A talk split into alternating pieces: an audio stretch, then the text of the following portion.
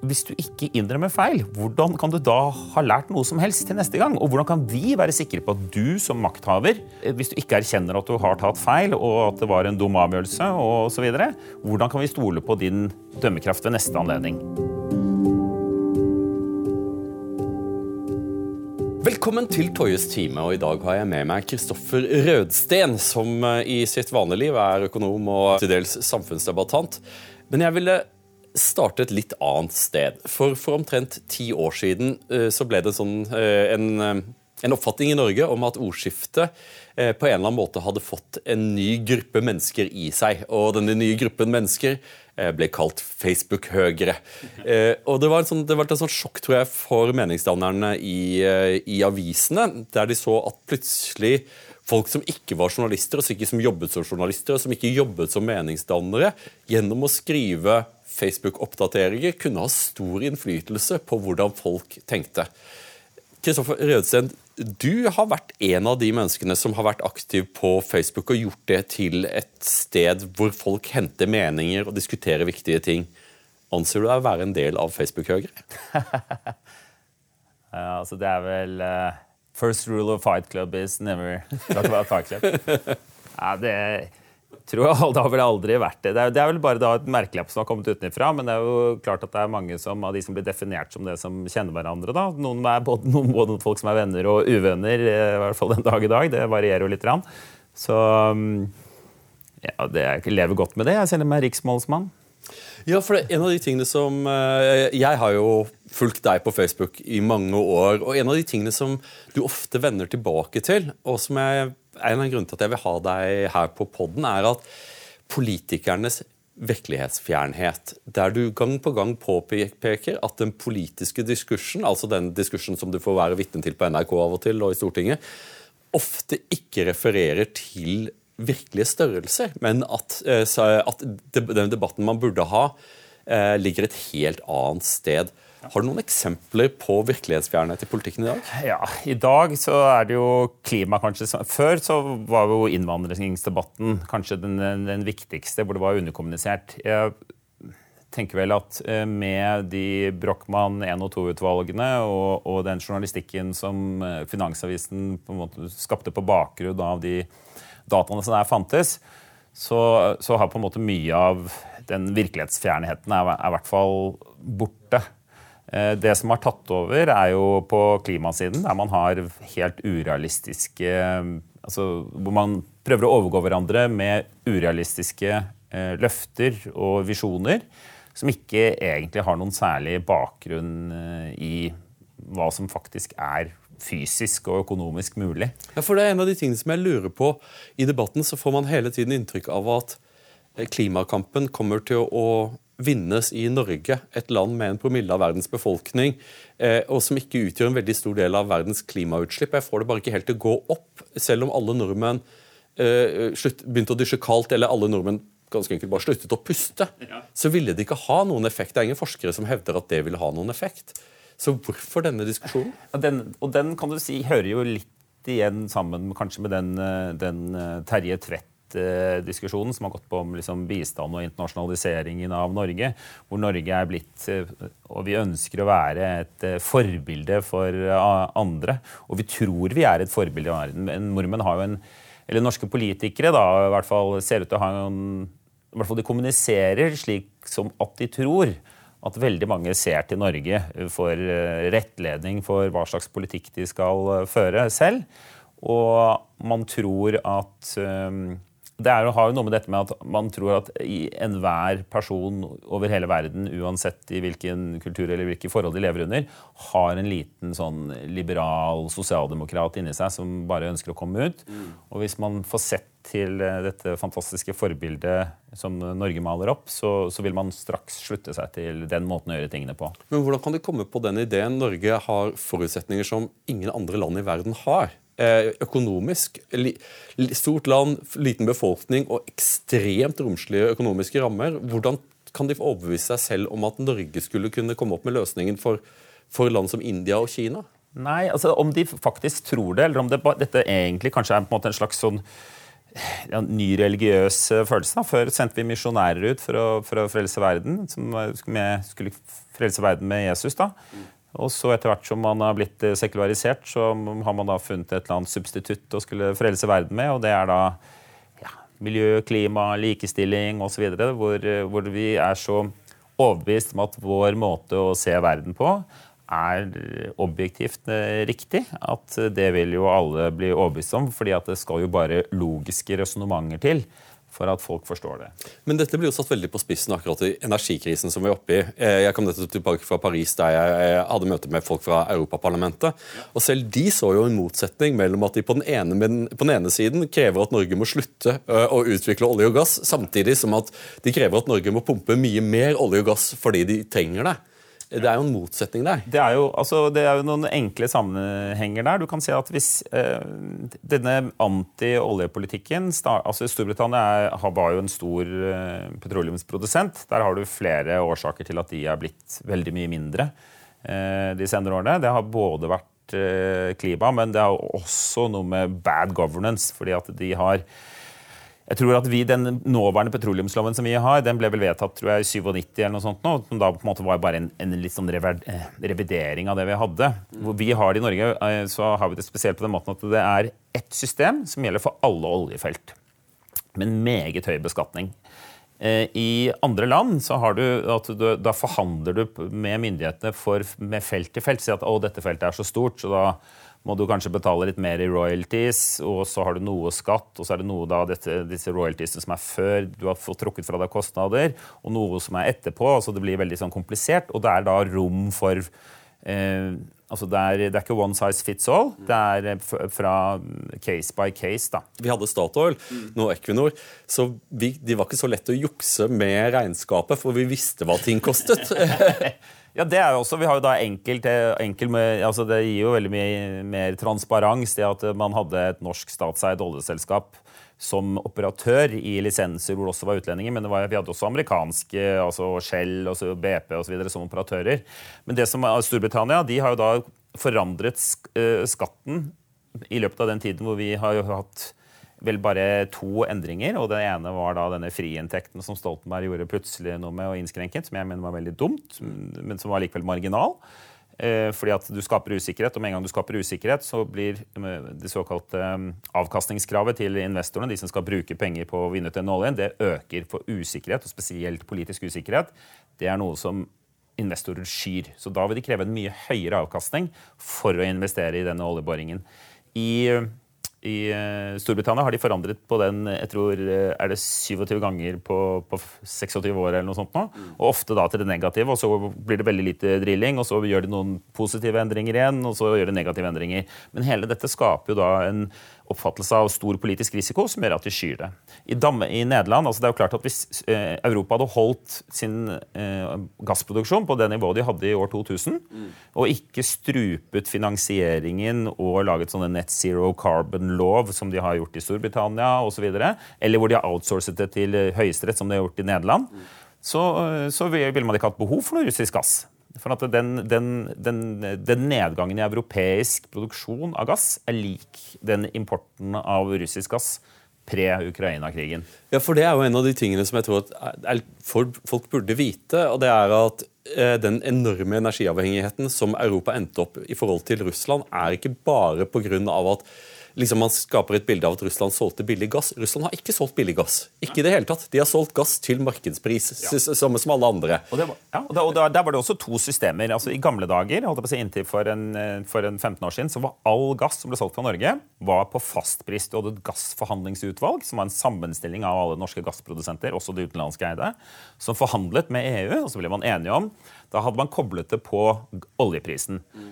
Det, men det var da til ulempe, da, for altså gassen ble priset lavere. Så dette var jo selvfølgelig forhandlingsstyrken til, da, til da de europeiske landene, som ville da presse ned prisen på det som vi i Norge produserte for å selge til dem. Så det var en ren sånn maktbalanseting, uh, hvor de brukte sin forhandlingsstyrke. Så ønsket de da, både i tråd med klima, at de, liksom, de har trodd at de skal fase ut uh, olje og gass uh, i et stort tempo fordi de bygger mye sol og vind. Og så begynner i hvert fall de fleste å ha forstått da, at det hjelper ikke å ha om du har 1000 eller 1 million vindmøller hvis det ikke blåser. Mm.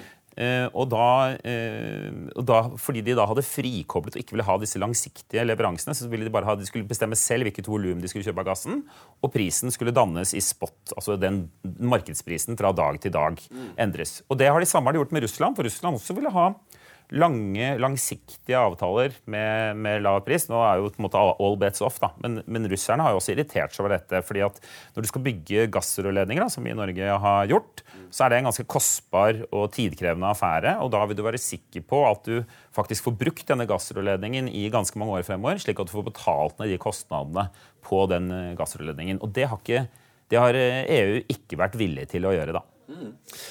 Du, eh, da vi, da vi, pratet sammen i, eh, i, forkant av dette, så nevnte du en bok som jeg, som jeg ba deg om å ta med. Ja. How the World Really Works. Ja, jeg har tatt med den. Den er, koster tror jeg 147 kroner på type Nordli eller noe sånt nå. Mm. Den er, eh, den er, skrevet av en, eh, en pensjonert eller en eh, professor emeritus, heter det vel? Eller heter det emeritus? Jeg er faktisk usikker. Emeritus, emeritus i Norge. Emeritus, emeritus. Han heter Vatslak Smil. Vatslak er jo også et litt vanskelig navn, men det kjenner vi jo pga. Havel osv. Og, og Smil det er jo ikke så vanskelig å huske. Han har da en sånn blurb her da, at, uh, fra Bill Gates. Da visstnok, altså Bill Gates har uttalt seg fordelaktig om, om Smil veldig mange ganger. Og her på forsiden er det da There is no author whose books I look forward to more than Vatslak Smil. Bill Gates. Og dette her, Det som er med denne boken, den er, burde vært pensum for alle norske eh, klimaforkjempere og, og toppolitikere. Eh, fordi at Den er egentlig en sammenfatning av alle de tingene som danner grunnlaget for vårt velstandssamfunn. Og eh, det, de, de, fire viktigste tingene han trekker frem i, i eh, boken, det er eh, gjødsel, plastikk, stål og betong. Og det, Han sier at det er jo mange andre ting også, men de fire tingene, uten det så er vår moderne velstandssamfunn helt utenkelig. Og Vi bruker ikke sant, stål i, ikke bare i, i, broer og i høye bygninger. Det skal jo også være en del av klimaløsningen at vi skal bo veldig mye i høyden. og Det er jo da laget av betong og stål. ikke sant? Eh, eh, flyplasser, eh, veier, trikker, tog, alt mulig. Alle motorer. Altså, det, alt dette er umulig uten stål. Og Også den grønne infrastrukturen er trenger stål. Trenger stål, Masse stål. Og den eh, klarer vi ikke, og det klarer vi ikke å produsere.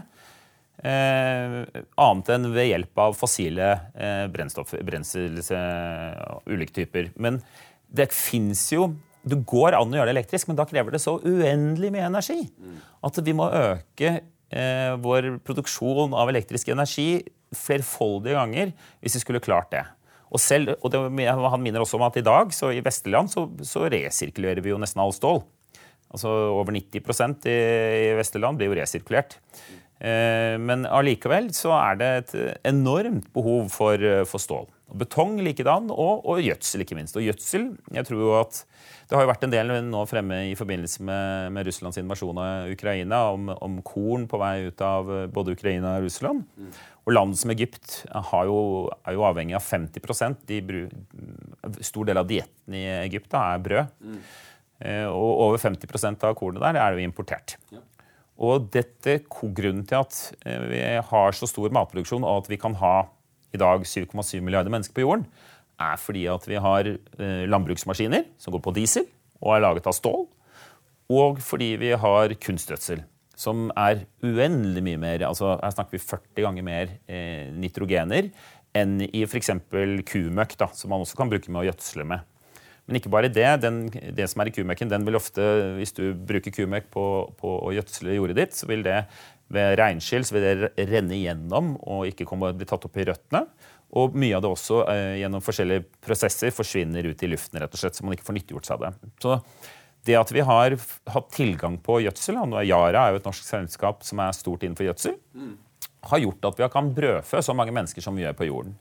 Eh, I 1950 så besto jorden av dette er alt fra denne boken, eh, jorden av 2,5 millioner mennesker, det er milliarder mennesker. Og på det tidspunktet så var 65% av jorden feil eller underernært. I dag så er vi da 7,7 millioner og milliarder. unnskyld, og i 2019 eh, så var det vel bare 8,9% av jordens befolkning som var feil eller underernært. da. Mm. Eh, og eh, altså, så det at vi, I 1950 klarte vi altså å fòre 890 millioner mennesker, mens i dag så klarer vi å fòre 7 milliarder mennesker. Og det er, altså det er både en kombinasjon av gen- og bioteknologi, som vi heller ikke vil ha i Norge, og kunstgjødsel, som er produsert med fossile brennstoffer. Ja, for det er liksom en, en av disse tingene som, eh, som, jeg har tatt med meg fra, fra, fra, fra, ting som du har skrevet, som jeg har lest. Og det er at eh, hvordan vestlige land har begynt å, å, å slå, akte, slå, bakut mot sin egen seiersoppskrift. Der du har eh, et voldsomt tilbakeslag mot industrielt jordbruk. Eh, ta Nederland, hvor man da nå innfører nye utslippskrav som gjør at, eh, at bøndene ikke kan produsere like effektivt som før. Og det er helt interessant pga. at de nederlandske jordbrukerne er de mest effektive i hele verden. Hele verden, faktisk, ja. ja altså de, de, de, produserer flere, mer protein per kvadratmeter enn noen andre i verden. Eh, mens de skal man da forsøke å hindre å produsere så mye. Og så er det sånn annen tanke som eh, Da jeg var gymnasiast, så var det kamerater meg som het Lars. liksom, som eh, Vi var ute og kjørte en natt, og så sier han Asle, veit du hvorfor de lyser opp motorveiene? Og jeg tenkte jo bare Nei, men det er bare dette er, det er bare fånig, liksom. Det er bare, det er bare, vi bare flotter oss. Og så sier han nei, nei, det, hvordan økonomien fungerer, er sånn at Gjennom å opplyse veiene så får man eh, 0,0001 eh, færre ulykker. Men sumtotalen av dette er stor økonomisk. ikke sant? Og Det er, liksom, det, er det, som er pointet med, med, med, det moderne samfunn. Så han liksom lærte meg at allting som øker mobilitet, er bra. Ja. Og allting som skaper billigere energi, er bra for økonomien. Og det, og det er det som gjør allting mulig. da. Mm. Mens det har vært en sånn veldig sånn tilbakeslag mot Man ønsker å skattlegge mobilitet i form av bompenger og sånne ting. Mm. Samtidig som at man gjør energi dyrere og dyrere og dyrere. Og ifølge min kamerat Lars, da, ja. den, den, 17 år gamle Lars som snakket med den 17 år gamle Asle, ja. så, eh, så, ville da Lars si at det er veldig veldig dumt hvis, være, hvis man har tenkt å holde seg, skape vellykkede, rike samfunn. Ja, altså Det er jo de færreste altså de Altså det er jo Et annet sånn grunnleggende problem her også, er at sant, de siste 20 årene da, så er jo ikke sånn at de smarteste på NTNU eller Handelshøyskolen, mm. som jeg har gått, eh, eller hvor som helst, de begynner jo ikke å jobbe med, med, med metaller eller med altså Nå har vi hatt Yara og Hydro som har selvfølgelig trukket på en del flinke folk, og sånt nå, men sånn generelt så er det ikke liksom der eller eh, at folk søker seg inn, da, de, de grunnleggende bestanddelene. Plast og osv. Du lager apper, og du jobber i finans, eller du blir en skarp forretningsadvokat. Eller, eller influenser. Eller influenser, til og med, kanskje. Så, så, sånn at øh, Og det er jo fordi at vi fjerner oss mer og mer. Det er, altså, det er jo selvfølgelig alltid den der bulleklisjeen om at, sant, at, pølsen kommer fra disken på Rema, sant, og barn ikke har peiling på hvor maten kommer fra. Mm. At det er døde dyr vi spiser, og at det er øh, godt og sunt for oss. Men det er den forståelsen for det har jo på en måte hatt sitt gjennomslag hos den urbane klassen. Du har Bondens marked, og så jeg at det var mye skriverier om geitmyra om dagen osv. At man besøker bønder, og det var litt sånn fokus på det under covid osv. Men å forstå hvor avhengig vi er av plast da. Tenk deg koronaepidemien. Tenk om vi ikke hadde hatt plastmasker og plast-engangshansker og drakter og Engangstestkit. Engangstestkit, engangs, altså sprøyter. Altså alle uendelige mengder av disse tingene her. sånn. Det hadde gjort den epidemien mye mye vanskeligere å håndtere. Åpenbart. Men det er jo på en måte en plass, det er jo liksom ondskapen. Det er jo den ene etter den andre. Både selskapsplaten du står jo frem og forteller hvor utrolig gode de er fordi de har redusert da sitt plastforbruk med et eller annet. Men liksom, du, du, har også kritisert uh, politikerne for å istedenfor å være i metaforen en sval hånd på en opphetet panne, ja. så har de liksom kastet seg inn i dette som med, med nesten som du nevnte, nesten religiøs glød. Ja. Og du har nevnt en bok, 'The Secret', av, av Ronda Rhonda Byrne. Fortell litt om det. Ja, altså, det er jo, Maja jeg, da, jeg har faktisk ikke lest den, jeg kjenner den bare omtale. For det var jo en stor, uh, det var en stor um, trend, denne boken, for kanskje 15 år siden. eller noe sånt nå. Mm.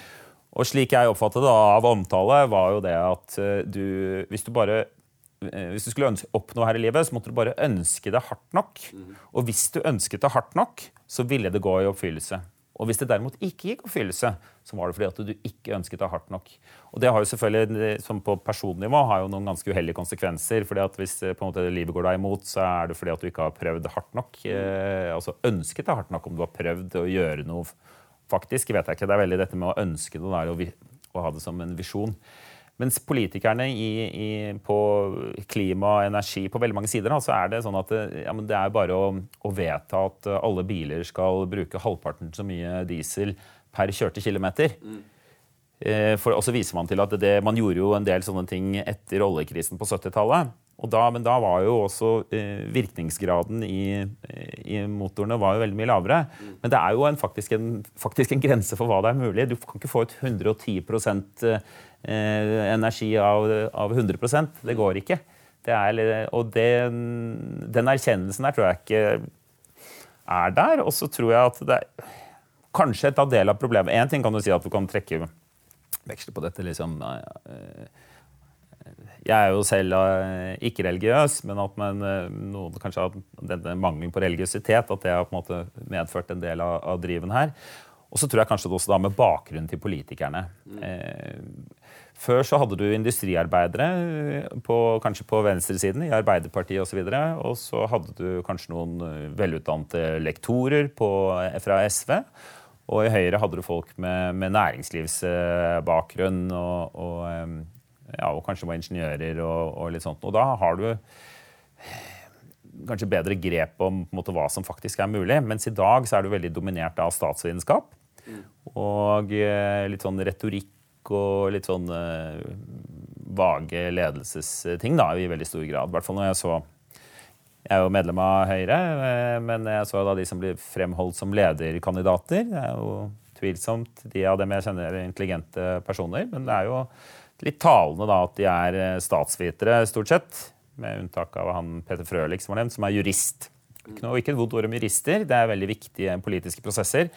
Men forståelsen for eh, hvordan du lager de tingene og skaper de, de verdiene som trengs da, i et samfunn, det er kanskje ikke det som er mest uh... Så mye av eh, ordskiftet handler om kamp om narrativer. Altså at man skal etablere en fortelling en historiefortelling om hvordan det er. Om hvorvidt dette relaterer til virkeligheten eller ikke, er ikke så viktig. For det handler egentlig om å vinne kampen om narrativet. Ja. Og det så vi liksom bare for å Det så vi i Afghanistan. I 20 år rapporterte NRK ukentlig om fremgang i Afghanistan. Veldig mange kvinnelige jenteskoleelever har jeg sett, mener jeg har sett på NRK. Det var også betydelig demokratiske fremgang. Eh, og, og, og, Taliban var jo fryktelig demoraliserte. Eh, og, og, var, de, de, de, de, overga seg jo. Eh, og, det fremsto som ganske fornuftsstridig at vi til slutt stakk av fra Kabul for et år siden med folk på hengende på utsiden av flyet. Etter så mye fremgang så endte det et For vi, for vi, vi var jo enige Narrativet var at det finnes ingen militær seier i Afghanistan helt til, til Taliban viste oss at det fantes en militær seier, bare ikke vår. Ja, der, Men der skal jeg jo innrømme selv på en måte at ting man har Jeg er inspirert av denne podkasten du hadde med, med samtalen du hadde med Nils August og Andresen. Da var det jo begge to litt sånn Hvor, hvor har jeg tatt feil, og så videre, Hvor var jeg naiv? Og jeg hadde vel en, eller jeg hadde en naiv forestilling om at, det, at, man kunne gjøre ting bedre i både Afghanistan og Irak for, for 20 år siden. Selv om jeg nok mistet den troen for, for ganske lang tid siden. da. Ja, men det, det, det, som undrer meg, er jo det at ett år etter Afghanistan så er vi tilbake i akkurat samme mindset når det gjelder Ukraina. og det er liksom det er ikke nå mulig å kunne stille spørsmålstegn ved strategien i Eller realismen i, eh, i, i det vi er enige om at dette må føre til ukrainsk militær seier, ja. som er svært usannsynlig. Eh, men, men enhver som stiller spørsmålstegn ved det, blir anklaget for å være løpe Putins ærend ja, Dette med å løpe Putins ærend har jo vært veldig langt fremme nå i veldig mange sammenhenger. Nå er det jo, Hvis du er imot eh, eksport av norsk strøm ja. til Tyskland og Belgia, som legger ned da, as we speak, eh, kjernekraftverk, ja. da løper du jo Putins ærend. Ja, men, men det er jo den saken at, så, så Jeg vil jo tenke at eh, i et Europa der det er for lite strøm eh, Altså at eh, er det da lurt å knytte seg til et marked der det vil være for lite strøm, når du har nok strøm til å drifte din egen økonomi? Det burde jo være en legitim debatt.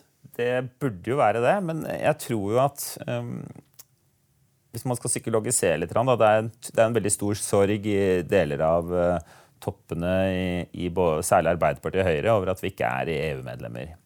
Og den drømmen er jo å sitte der som en uh, likemann ved, ved bordet i Brussel. Og inntil, så lenge vi bare er EØS-medlemmer, så har du på en måte en annenrangs status der, og det er veldig, veldig trist. Men da må vi for Guds skyld gjøre absolutt alt vi kan for å være mye, mye bedre enn EU-medlemmene. Ja, men jeg synes at Det er så rørende. På grunn av at spør, spør, spør, dansker eller svensker om de føler at de har mye innflytelse i Brussel. Ja, ja. Eh, eller at de føler at de har sin mann i Brussel. Liksom Folk føler seg jo totalt fremmedgjort overfor dette systemet. Jeg kjenner jo mange som jobber i dette systemet, ja. og de føler seg også fremmedgjorte for dette systemet. ja, det er veldig rart, den der. Men det er jo litt sånn som sant, man, vi, Det ble innført EU-kontroll på biler. Nå er det vel det 20 år siden. Og da må man, og det Mulig at det er en sånn som du kan eh, si at ja, dette koster utrolig mye penger, men det blir så og så mange færre ulykker i året pga. det. Jeg har litt tvil om det. da. Men da, hvis du da reiser i, i Sør- og Øst-Europa spesielt, da, så ser du at de bilene der hadde jo aldri passert en sånn EU-kontroll. Mm. Uh, mens her i liksom, kall det det protestantiske nord. da. Der skal vi jo være, sikre, Svenskene er sikkert også kjempeflinke til å følge opp disse EU-kontrollene. ikke sant? Ja. Og vi da som Norge, som ikke engang er medlem, vi er da sikkert de aller aller flinkeste. Og så bruker vi masse penger på EU-kontroller og vedlikehold, og sånt, mens det er i, i Syd-Europa, som er faktisk EU-medlemmer, så er det ingen som bryr seg om det. Ja, men så, bare for å ende tilbake til narrativet. Når vi går, når vi husker, når, under stramkablene så ble vi fortalt en del ting som ikke viste seg å være sanne. Disse tingene ble solgt som vitenskapelige sannheter, og at det å, å, å, gå imot det var et tegn på et uvitenskapelig sinnelag. Ja, eh, det er når. Ja, ikke sant? Og når da det ble vist at dette her var blank løgn det var ikke engang dårlig vitenskap, det var bare blank løgn. Så er det noe som liksom at eh, Ja, men skal, skal, vi kan ikke ta omkamper, og vi må se framover. ja, det er jo alltid det. Jo da, det var riktignok helt feil, det vi påstå. Men vi, nå er det jo en, en gang slik, så nå må vi. Det er litt sånn, ja, så Innvandring var jo på en måte et annet tema som var litt sånn. Ja, det, ja, ok, til, ja. Så var vi enige om at det var, det var helt Ja, det ga oss masse kriminalitet og ekstremt høye kostnader og ikke var, ikke var bare en, en, velsignelse som ga harmoni og store inntekter for oss alle. Men da er vi liksom ferdig med det, for nå er det jo sånn likevel. og Nå, hysj, nå må vi gå videre. Ikke ødelegge den gode stemningen. Ja, for det, for det, det, går tilbake til det jeg forsøkte å få fram med liksom Afghanistan. at mm hvor ble det av læringsprosessen? For det, liksom, hvor ble Det av det? Liksom, det er helt greit å rote ting til, hvorfor, men hvorfor ble det ikke Vi hadde et Afghanistan-utvalg ja. som bare så bort ifra alle de tingene vi burde ha lært om at det, dette må vi ikke gjøre igjen. igjen? Ja, ikke sant? Nei, men, og det, og det, er jo på en måte for at i, og jeg blant annet litt sånn beskyldt ja, men jo, men skal du liksom skal du mase om, om det som, den sneen som falt i fjor, da, og de feilene som er ble, ble, blitt begått? Skal du liksom tvinge folk til å si at ja, jeg tok feil? Ja, jeg er faktisk tilhenger av det. Og det er både, og dette vil jo du sikkert ha sansen for, eh, i og med at du er en kristen mann, det er dette med dette tilgivelsesaspektet. Dette sitter jo i ryggmargen på alle oss, selv, om, som, selv oss som ikke er eh, veldig gudfryktige. Dette med tilgivelse. Men tilgivelsen må jo komme først etter at du har tilstått din brøde og angrer. Ja. Altså Hvis du ikke innrømmer noen feil, så kan du heller ikke få tilgivelse. Nettopp. Eh, og det, er, eh, det sitter veldig dypt i oss. Og hvis du ikke innrømmer feil, hvordan kan du da ha lært noe som helst til neste gang? Og hvordan kan vi være sikre på at du som makthaver har når, eh, hvis du ikke erkjenner at du har tatt feil, og at det var en dum avgjørelse, og så videre, hvordan kan vi stole på din dømmekraft ved neste anledning? Det er mitt problem. Og det mener jeg er veldig Altså Strømkrisen er én ting. Jeg mener jo også at, og jeg tror at vi kommer til å få mye større problemer når det gjelder eh, fossil energi også. Og det, dette grønne spranget som eh, de ønsker å gjennomføre, det er at man eh, man forkludrer det til, og så, ja, men så slutt å mase om det. da, Jo da, det var kanskje litt dumt, osv. Men uten at noen stilles til eh, ansvar. da for de avgjørelsene som er tatt. Ja, for jeg skrev om dette. For meg så fremstår det som ekstremt risikabelt å ta den energikrisen vi er inne i nå, som har oppstått pga. Feilslått politikk og, og, feil vurderinger. Det er, det er, helt greit å si at man trodde at det kom til å gå på en annen måte, og hadde ikke tenkt å ende opp her. Ja. Men at man da sier nei, men dette her er jo en mulighet til et forsert, et, et forsert grønt sprang. Det fremstår for meg som svært risikabelt, for jeg tror at velgerne kommer til å bli skikkelig skikkelig sure når de begynner å fryse i hjel. Det tror jeg også. Og så er det jo det, det, så jeg at det var noen som la ut um, her om at Economist mente at det var da dødd så og så mange tusen flere av varmebølge enn det det var i tidligere år. I, i år da. Og man er jo veldig raskt fremme med å, å bruke menneskeskapte klimaendringer som forklaring på ethvert uh, værfenomen. Eller, eh, og, men det man da underslår, er jo at det dør jo langt flere, mange altså tusenvis av ganger flere mennesker av kulde enn av uh, varme. Og, uh, Men dette er jo en historisk jernlov. Bare se på den globale mediantemperaturen og sivilisasjon. sivilisasjon oppstår i varme perioder, og sivilisasjon svekkes eller stagnerer ja, ja. i, i, det er romertiden. Ja, den lille istid og hele pakka der. Ja, det, er jo, det er jo et veldig godt poeng. Eh, men, men den, jeg tror at kom, ting kommer til å bli kan bli ganske mye verre. Nå er jeg ofte litt sånn pessimist, da, men uh, på enkelte områder. Uh, og um, den underinvesteringen som har vært i olje- og energisektoren da, siden vi fikk oljepriskrisen i ja, senhøstes 2014, så falt oljeprisen eh, veldig røft. Og de påfølgende årene så har investeringen i ny olje og gass ligget på omkring halvparten av det nivået den lå før. Nå lå den nok for høyt i forhold til trend på det tidspunktet, for det var liksom helt bonanza. Men at, vært, at det har vært underinvestert nå i, i en øh, syv-åtte år, det, det, tror jeg det er, det er, For alle de som ser på det, er det i hvert fall åpenbart. Og det er jo veldig få norske politikere eller øh, også som økonomer, som også fremstår ganske politisk korrekt, mange norske samfunnsøkonomer. Eller Norges Bank. altså Hvis du leser siste pengepolitisk rapport fra, fra Norges Bank som kom i forrige uke, så er det energiprisene er høye pga. Eh, Ukraina. Og eh, det var, det, matvareprisene er høye fordi det har vært uh, feilslåtte avlinger pga. klimaproblemer.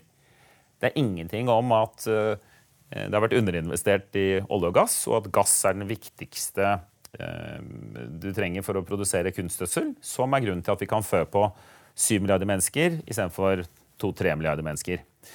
Eh, fordi at Hvis vi ikke hadde hatt var jo litt inne på det, altså hvis vi ikke hadde hatt kunstgjødsel og bare vi drev med økologisk sånn eh, MDG-jordbruk, så måtte vi nok drepe 4-5 milliarder av jordens befolkning. da. Mm.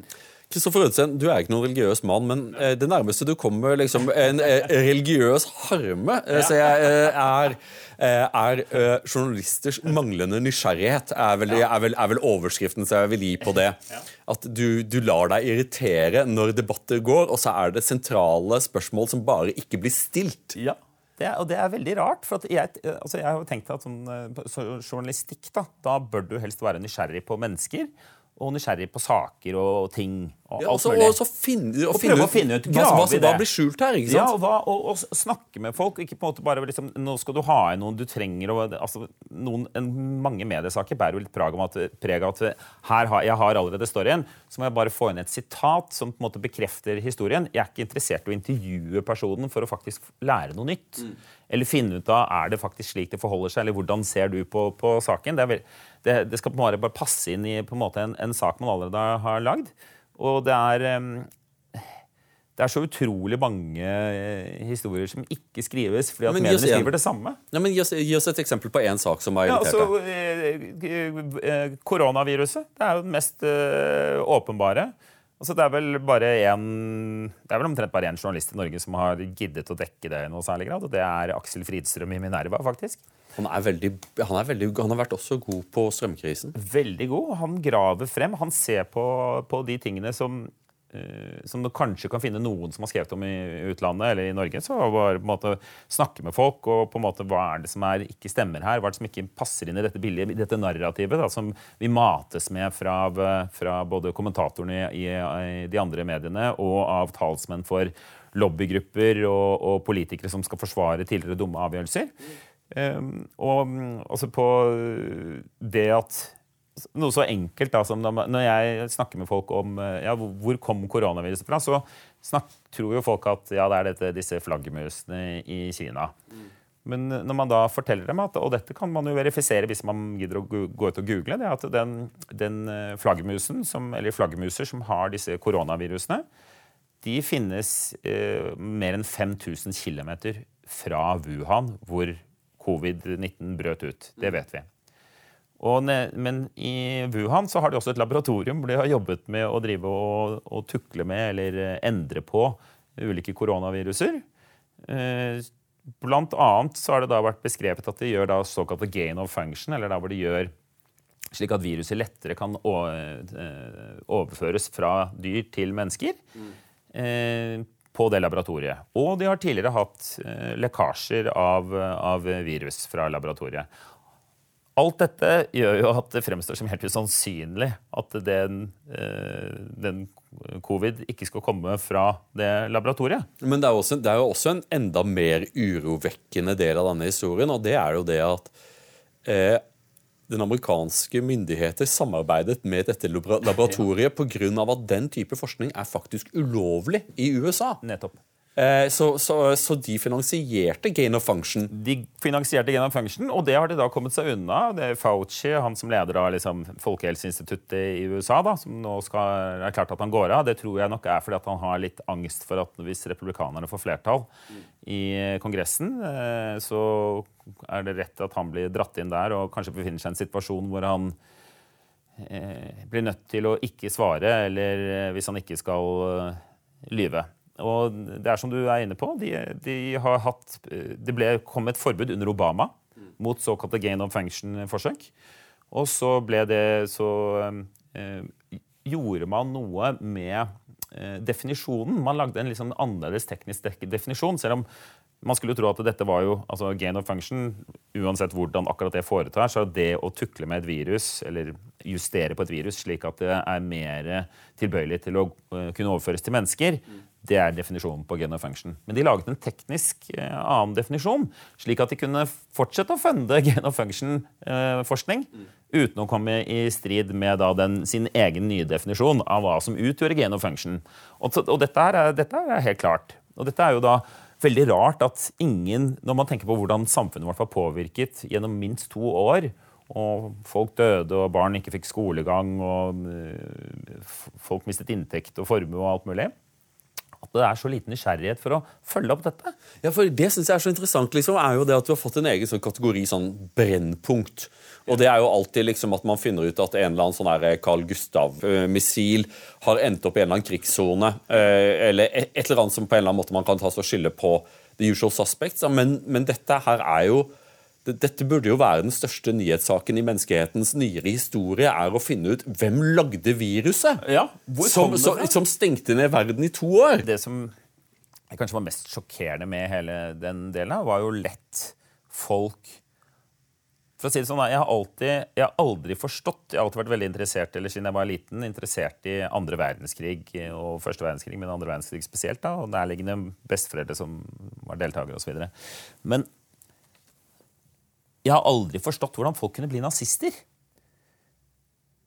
Og dette er jo selvfølgelig en litt drøy ting å si, men, men eh, når jeg så hvordan folk reagerte uh, under korona, hvordan da angsten gjorde at folk fikk totalitære uh, tendenser veldig, veldig raskt Jeg må si jeg var et, var et, var et sånn guffent sjokk. Altså, da føler man at den, den fernissa av demokrati og, og, og rettssikkerhet da, at det er veldig tynt. Tusen takk for at du sier det. for jeg har, det er, Nå setter du fingeren på noe som jeg har gått og tenkt på de siste dagene. og Det er en ting, en ting som uroer meg litt med eh, I USA, eh, jeg må ærlig si det, liksom Bidens eh, anti-maga-tale var noe som skremte vettet av meg. Eh, på grunn av at eh, For jeg gir egentlig blanke i hvem, hvem, hvem, som er, hvem som er autoritær. Jeg liker ikke autoritære ledere. Men når da eh, Biden eh, utroper halvparten av landets befolkning til fiender av demokratiet. Ja. Eh, det, eh, liksom, det, det, var en språkbruk, en sånn borgerkrigsaktig språkbruk. Eh, og så ble jeg også veldig overrasket over hvordan dette blir dekket i, i liksom sånn sett som The Economist og NRK. Ja, ja, ja. Som at, eh, at, at, dette her Endelig sa han det som, som det var, liksom.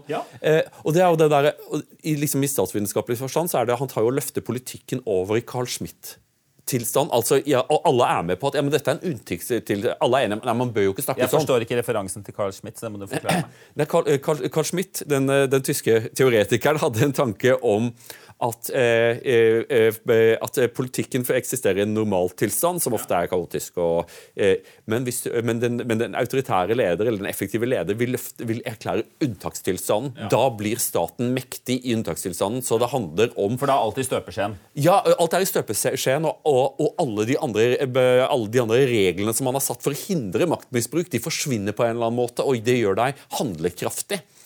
Men det å løfte demokratiet over i unntakstilstanden og si at enten vinner vi, eller så er det ikke demokrati lenger. Men, men det er litt sånn som Altså, jeg, den, eh, jeg, jeg var også veldig overrasket. Altså, igjen, hvis du, kan, du kan ta den om du kaller det muslimtesten eller jødetesten. Da. Hvis du hadde satt Trump inn i, med den talen og bare gjort om eh, på en måte, og brukt ellers de samme vendingene, hva slags reaksjon hadde vi fått da?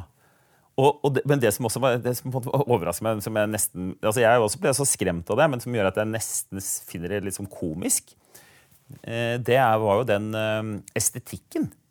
Altså, altså, han så jo ut som en sånn derre eh, det, altså, det, hva, heter han nå? Anakin Skywalker blir Darth Vader, liksom. Altså, det var helt sånn Darth Vader, og det var soldater, og det var skygger, og det var rødt, og det var svart. På, på dypblodig rød med to, med to soldater med jernansikter bak, og så står han med løftede hender. Det så så demonisk ut. Vlad Tepes møter eh, Anakin Skywalker, liksom. Ja, det, altså, det var helt fantastisk. Og, og, og, og jeg tenkte at det, den bare denne estetikken i seg selv vil jo gjøre at, måte, at journalister her vil si at åhå, nå hva tenker vi at har den polariseringen kanskje gått litt uh, langt her. Men det var, det var, jo ingen Det var jo ingen Det var veldig få i hvert fall, som hintet om noe negativt. Og hvis du leser talen, da, som du åpenbart har gjort, Ja. så er den jo ekstremt polariserende og ja, altså Det var jo mye fordømmelse av George W. Bush som sa at enten er det med oss, eller så er det med terroristene. Dette her var jo 3-0 i, i, av variant av det. Og det var jo fiender av folk og demokratiet. Altså, dette er Ja, jo, altså, det uro- fascistretorikk. Ja, ja, altså, Det som uroet meg mest, var å, si, å, å ta eierskap til demokratiet. Og si at vår side eier demokratiet. De eier ikke demokratiet. Mens jeg er jo den oppfatning at demokratiet er, er, noe, er, det er et fellesgode. eh, og det er jo også urovekkende, for jeg, jeg har jo vært eh, helt ærlig om at eh, kongressstormingen mener jeg er diskvalifiserende. Du må kunne akseptere valgnederlag. Men det er jo også urovekkende å se hvordan demokratene nå er på en ganske lignende reise i, forhold til den, eh, til, til, i forhold til de kommende valgene, der det er en tanke om at hvis vi taper, så taper demokratiet. Altså, vi, det, er, det finnes ingen legitim måte vi kan tape dette på. Nei. Men det, sånn var det, jo, det var jo også sånn i forkant av, eh, av det forrige presidentvalget. Det var jo en stor overvekt av demokrat, altså de som var lean democrat, som ikke hadde tillit til at valget ville foregå på en ordentlig måte. De mente at kom å, eh, valget kom ikke til å være gyldig. Det var i forkant av valget. Og så snudde det. Og så, tappte, så vant demokratene, og da var det, var det stort flertall av demokratene som sa at ja, valget var legitimt, og dette var kjempefint. ikke sant? Dette er jo eh, Sånn så, så barnslig er, øh, er vi, eller folk flest, da. Men, øh, men den, jeg tenkte den altså, bare, tilbake til den, Det minner meg litt om den der øh, Har du sett øh, Starship Troopers? Ja, ja, Heinlein sin bok, ja. Der, ja, jeg har da ikke lest boken. Jeg, har bare, jeg hadde en bodde sammen, en jeg bodde sammen i Bergen, hadde da selvfølgelig lest mye av sånn sci-fi. og sånt, Men vi husker vi så den filmen.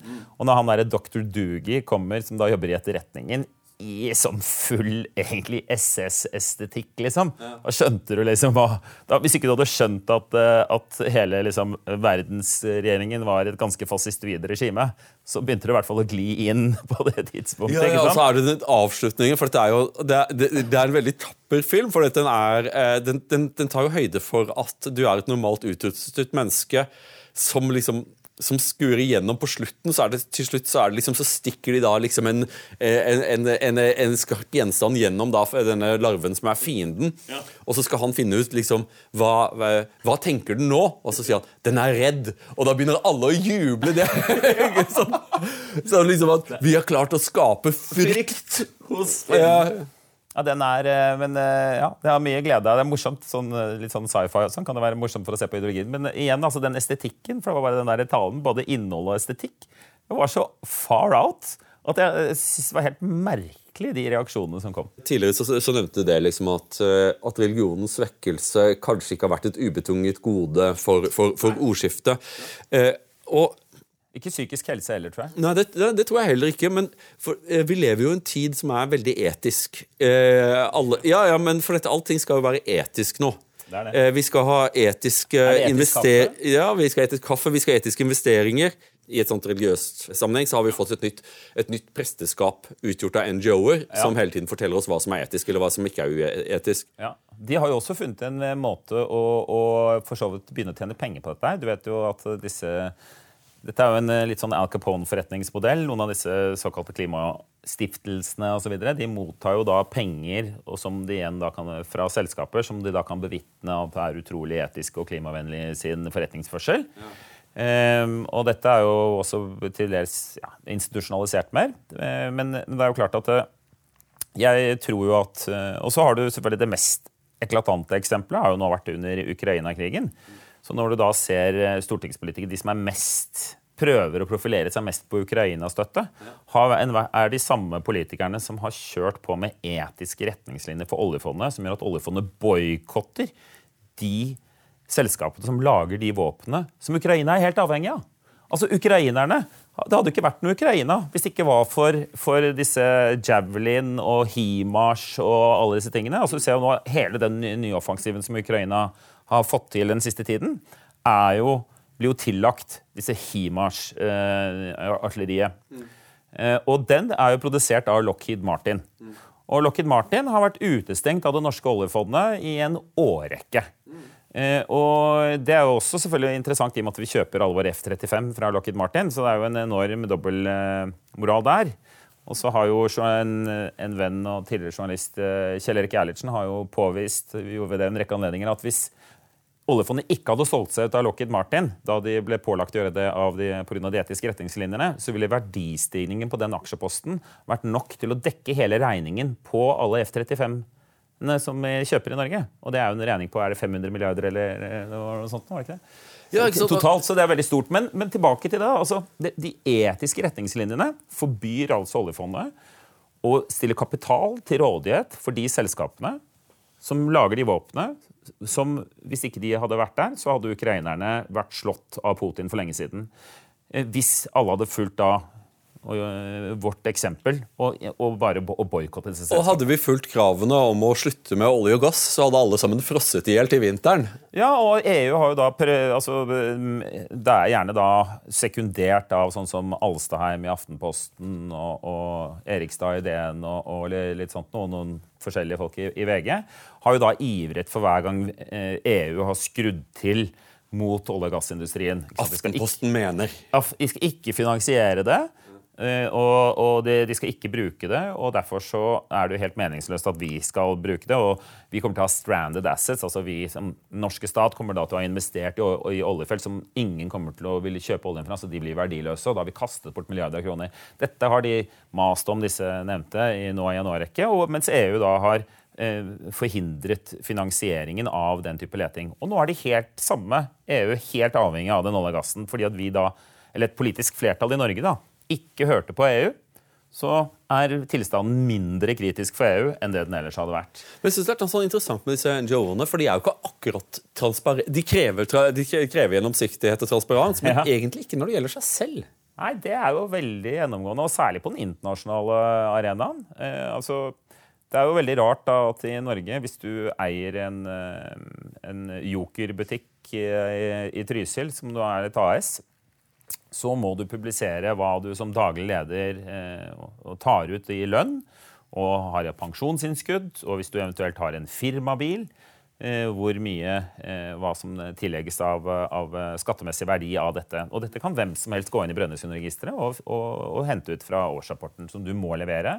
Og hvis ikke du leverer den innen eh, 1.8 hvert år, så kommer staten og kan gi deg bøter, eller den kan tvangsnedlegge selskapet ditt osv. Det er veldig sterke, sterke maktmidler som brukes mot deg hvis du ikke publiserer dette.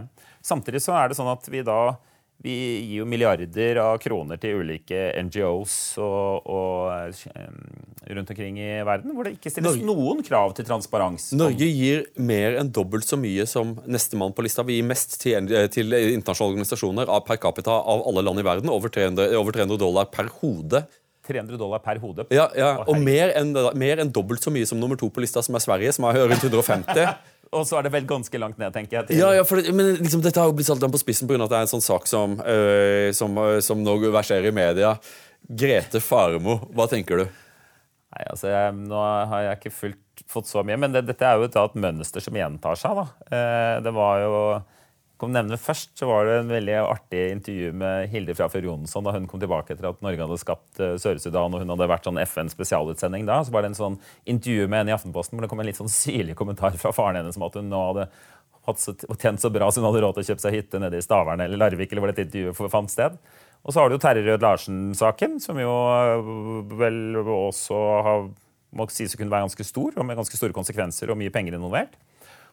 Og da denne Grete Farmo-saken. som ja, er da enda mer Erik Solheim-saken. Og Erik Solheim, ja. ja herregud. Og det, det, som synes å være en fellesnevner, det er jo da på en måte at det er null kontroll med pengebruken. At man oppfører seg som at man brukte sine egne penger. Mm. Og at man i veldig stor grad søker å bruke disse pengene på en måte som skaper at man får rampelyset på seg selv. Mm. Altså, det er ikke disse uselviske som, eh, ja, som kanskje de norske misjonærene, da, som eh, jobbet hardt og skrev brev hjem til basaren, og så eh, heklet de noe mer og solgte noe mer vafler, og så kom det penger, og så jobbet de hardt med det. Men, men de søker aktivt å iscenesette seg selv. Og denne Grete Faremo, det som jeg i hvert fall reagerte på, var at det var blitt brukt millioner av kroner på å lage en sang som da Grete Faremo skulle fremføre med et backingband fløyet over Atlanteren eh, for at dette skulle liksom bli få den rette eh, ja, settingen. Da. Det, det synes jo helt fantastisk. Jeg synes, det jeg syns er helt fantastisk, er jo også det at Grete Farmo ikke har noe behov for å forklare seg i det hele tatt. At hun, nei, ingen kommentar i det hele tatt. Ja, men du fikk jo sparken på dagen! Mm. Ja, ingen for ikke det i det hele tatt. Og så synes Jeg også at, liksom, jeg skal jo ikke kritisere journalistene her, men det virker som at ikke journalistene sier at ja, FN har en rapport om dette, men den er ikke gjort tilgjengelig.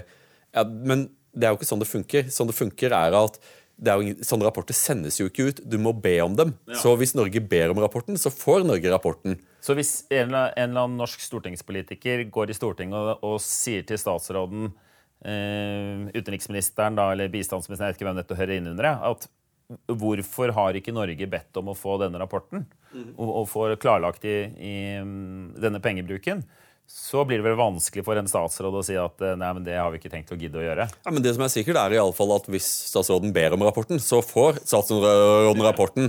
Og hvis Stortinget krever at denne rapporten gjøres tilgjengelig for Stortinget, for vi er fremdeles et demokrati, eh, så vil Stortinget få denne rapporten.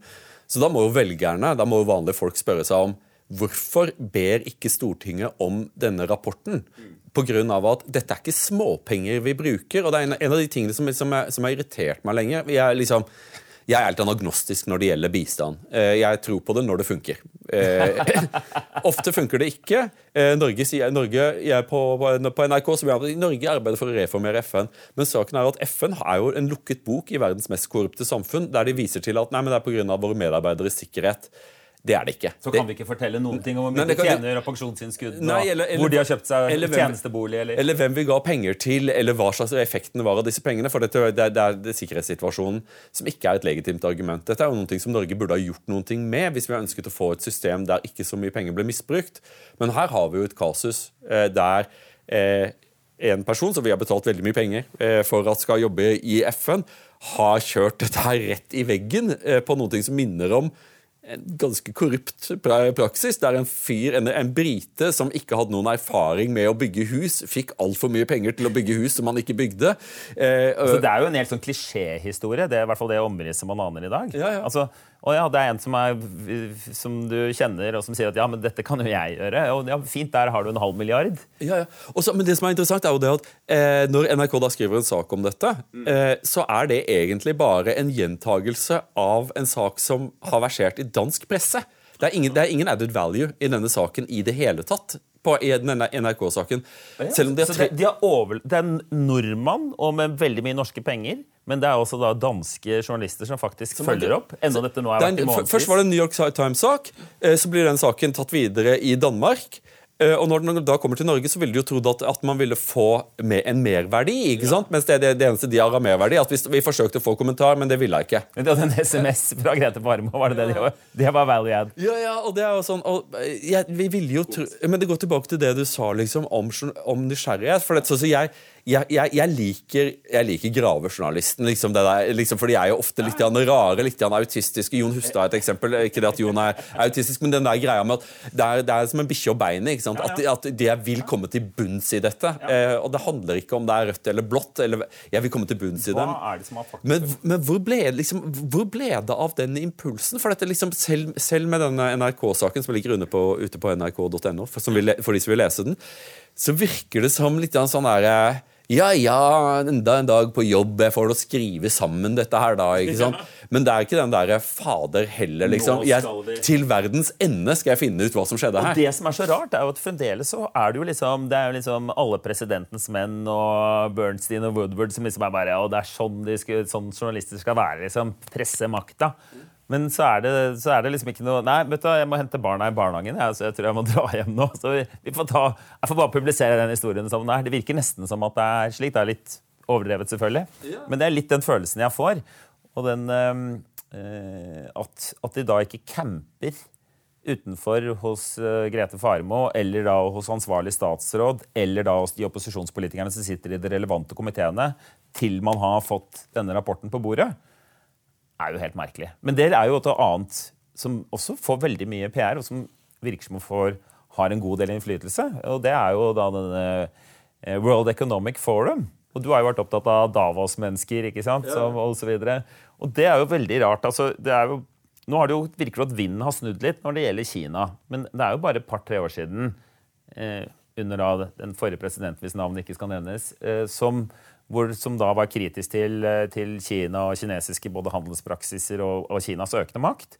Men da ble jo Kina av, eh, av, World Economic Forum fremstilt som en garantisten for frihandel og for et eh, liberalt fremtid. En mye bedre, lysere og varmere det var så vilt, for Xi Jinping blir da invitert som hovedtaler i Davos. Ja. Og The Economist snakker om liksom, det, det, Kina som, som, forsvarer av den liberale ja. orden, ja. kontra da the, the, Orange Man Bad. ikke sant? Så, så det, liksom, det, er jo ikke alle, det er jo ikke alle narrativer som, som, som fester seg, takk og, takk og lov.